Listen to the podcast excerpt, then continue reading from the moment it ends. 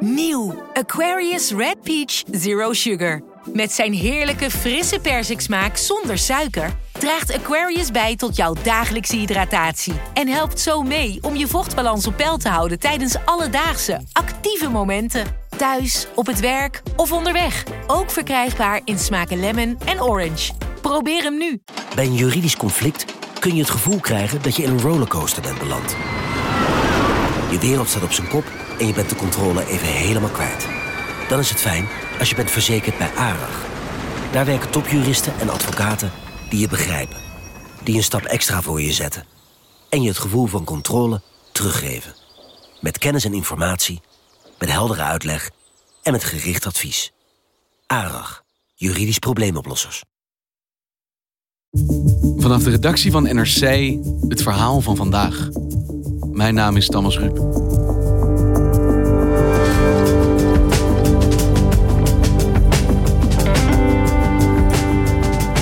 Tijdens de eerste dagen van zijn correspondentschap zag Gert van Langendonk de hoop ontluiken in de Arabische wereld.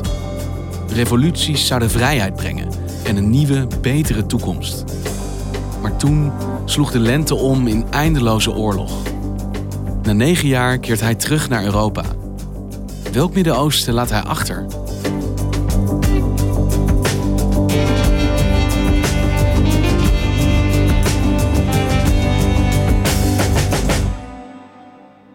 Gert, ik ben heel blij dat je er bent.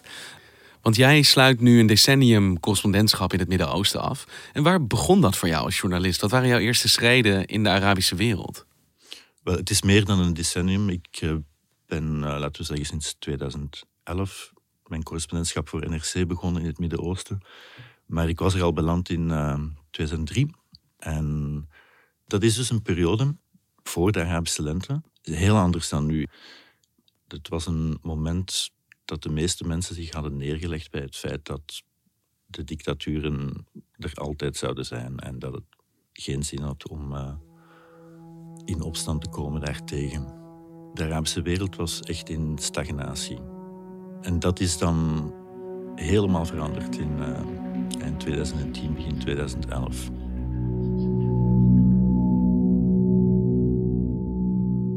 Wanneer de Arabische lente begon, zat ik in Marokko voor NRC. Uh, sinds kort eigenlijk. En de ironie is dat ik aan het eind van dat jaar mijn ontslag heb gegeven omdat het lukte niet met dat correspondentschap. Waarom niet? Er gebeurde niks. Uh, de krant was niet erg geïnteresseerd.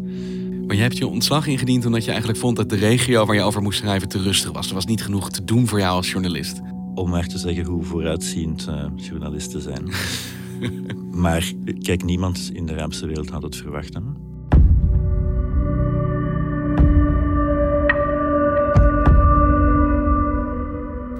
In Libië, doden in Jemen, grote onrust in Bahrein. De situatie in het Midden-Oosten verandert met de dag. It started with one man in one country, Tunisia, who set himself on fire when the police confiscated his fruit cart, leaving him with no way to make money. A region was gripped with freedom fever, fueled by social media. Want hoe begon jouw verslaggeving over de Arabische lente? Begon die in Tunis? In Tunis, ja. Maar het ging allemaal zo snel toen dat uh, in Tunis kreeg ik al snel uh, telefoon om uh, naar Cairo te gaan. Want? Omdat daar een nieuwe grote betoging was aangekondigd.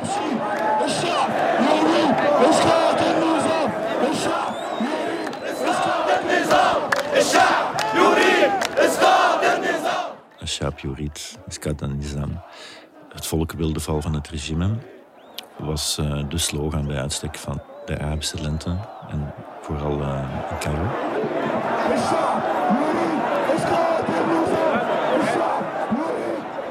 De sfeer in, in Cairo was aanvankelijk heel positief. Het was wel zo, als je op dat Tahrirplein zat, dat was een soort uh, safe zone. Dat was het grote plein in de hoofdstad. Ja, dus waar uh, alles zich afspeelde. Nu, op een bepaald moment krijg je kamelendag. Roma Barracks, on horse and camelback, charge into the crowd. Wielding sticks, metal bars, even knives.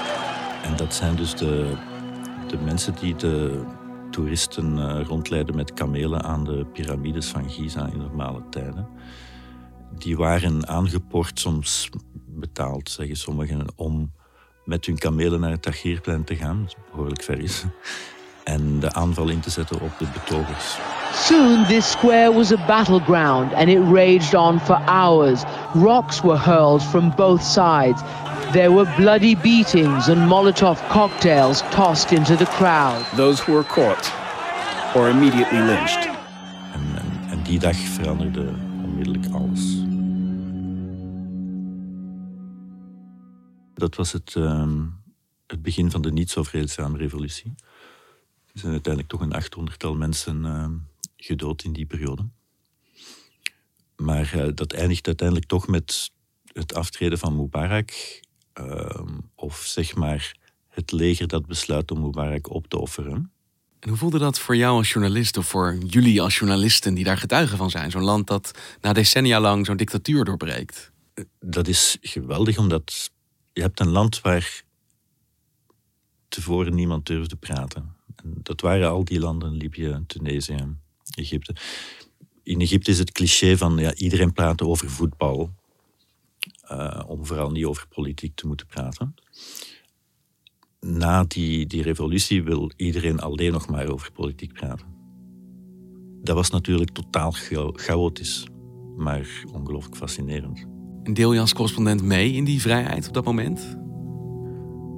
Zeker. Ik weet dat er uh, best wel kritiek is op misschien het enthousiasme waarmee journalisten zijn meegegaan in die Arabische lente. Maar niet vergeten, in eerste instantie zijn dit mensen die uh, in een dictatuur wonen en democratie eisen. Uh, natuurlijk, als je erop terugkijkt, zijn we naïef geweest. Um, zeker in, in sommige landen. Um, een revolutie kan tegelijk iets heel positiefs zijn. En andere mensen kunnen op de loer liggen om die revolutie te kapen voor hun eigen doeleinden. Het een sluit het ander niet uit. Want Tunesië en Egypte leken toen, denk ik, ja, voorbeelden van succes. Dit, is, dit kan dus. En we weten, er zijn andere landen die volgden. Libië liep iets anders af. En ja, natuurlijk onvermijdelijk komen we dan te spreken over Syrië. Ja, Syrië is natuurlijk het, het meest traumatische van, van allemaal. Toen het begon was ik niet zo bezig met Syrië, omdat ik nog heel druk was met Egypte en Libië. Het grote verschil natuurlijk is dat in Egypte was iedereen erbij. Uh, het was ook wel best gevaarlijk soms voor journalisten in Cairo toen.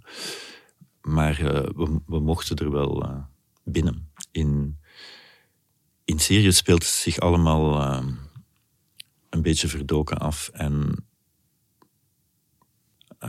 geleidelijk aan wordt het een gewapende strijd en is de uitdaging voor journalisten om daarbij te geraken.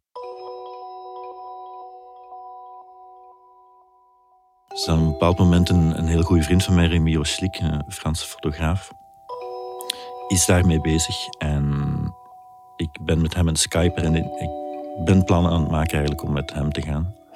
Samen Syrië ja, ik had het nog niet aan de krant gevraagd. Ik denk niet dat ze mij eh, toestemming hadden gegeven.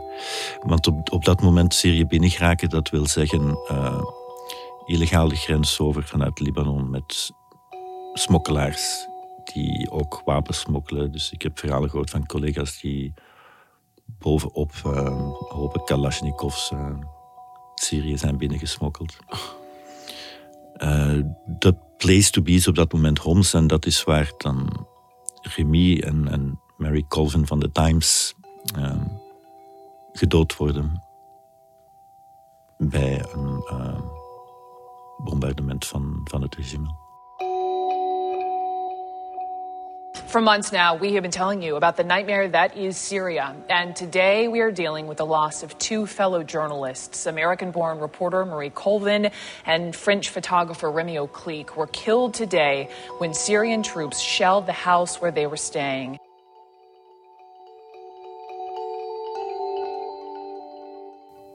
Dit zijn twee mensen die jij persoonlijk goed kende. Ja, dat was echt wel uh, het geval van Remy. Uh, grote klap voor mij. En het doet u ook wel even nadenken over uh, welke risico's je bereid bent om te nemen. Ja, en het komt, is dat het moment dat je realiseert zeg maar, hoe gevaarlijk het werk is wat je doet in deze regio? Ja, natuurlijk. De lijst van, uh, van vrienden en collega's die zijn gedood de laatste negen jaar is, uh, is lang. Uh, inclusief vrienden die zijn ontvoerd en onthoofd door IS.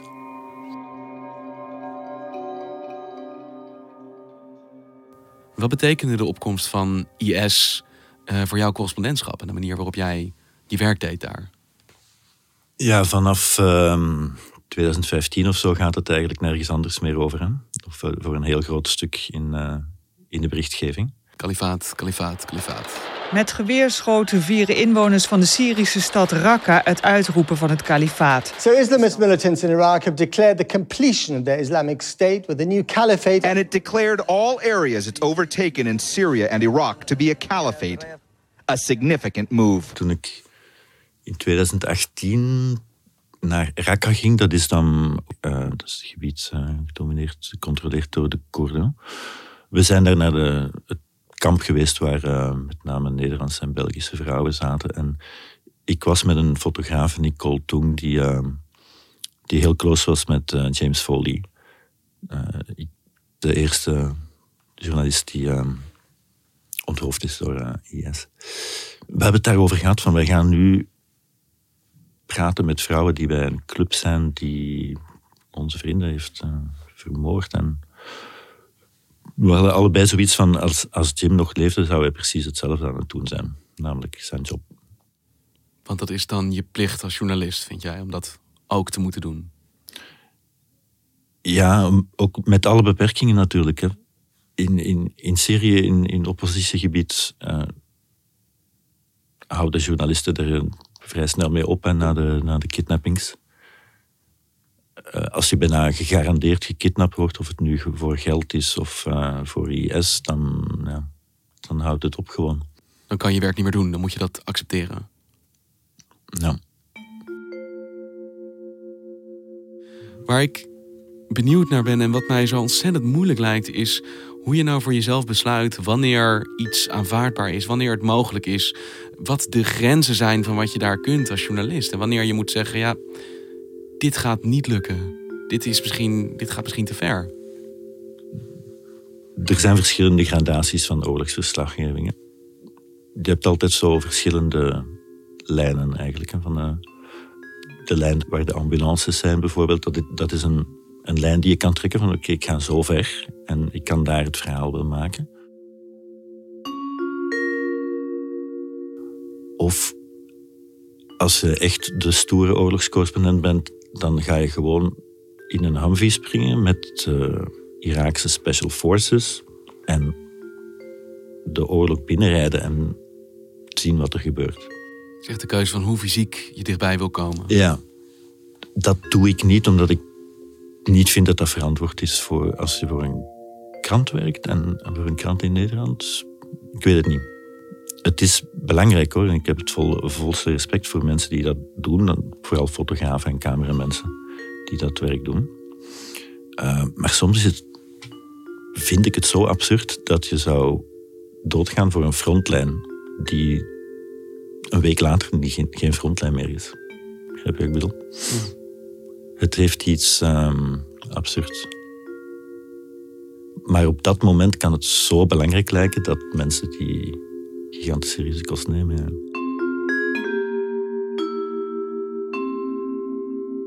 Want jouw correspondentschap voor NRC begon op een van de meest hoopvolle momenten uit de recente geschiedenis van de Arabische wereld, namelijk Tunesië, Egypte, revoluties, verandering. Welk Midden-Oosten laat jij achter? Is dat een Midden-Oosten waar nog hoop is?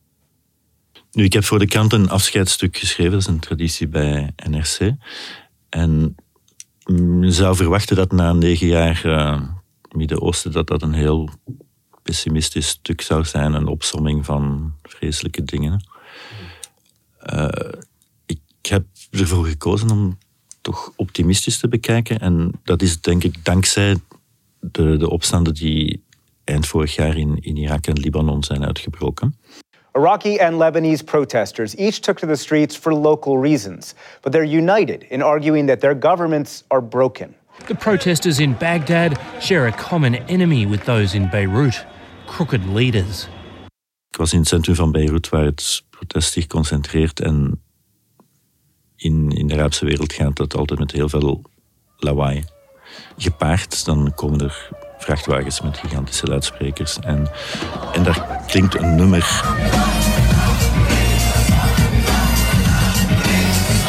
Is een nummer van uh, Rayes Bek, een Libanese rapper. Die in 2011 die Egyptische slogan heeft uh, genomen om een nummer te maken.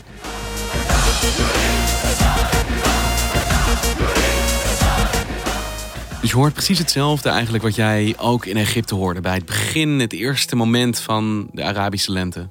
Ja, dus ergens klinkt dat naïef.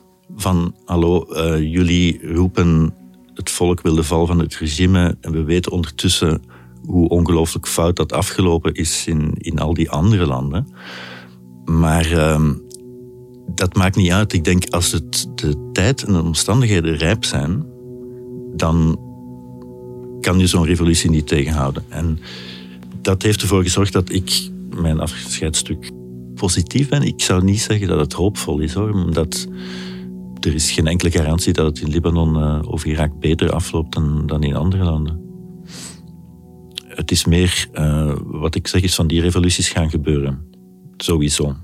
Als de tijd rijp is, als de omstandigheden er zijn. Zolang er mensen 18 jaar worden en rondom zich kijken en beseffen mijn land is shit en daar verandering in willen brengen, gaat het blijven gebeuren.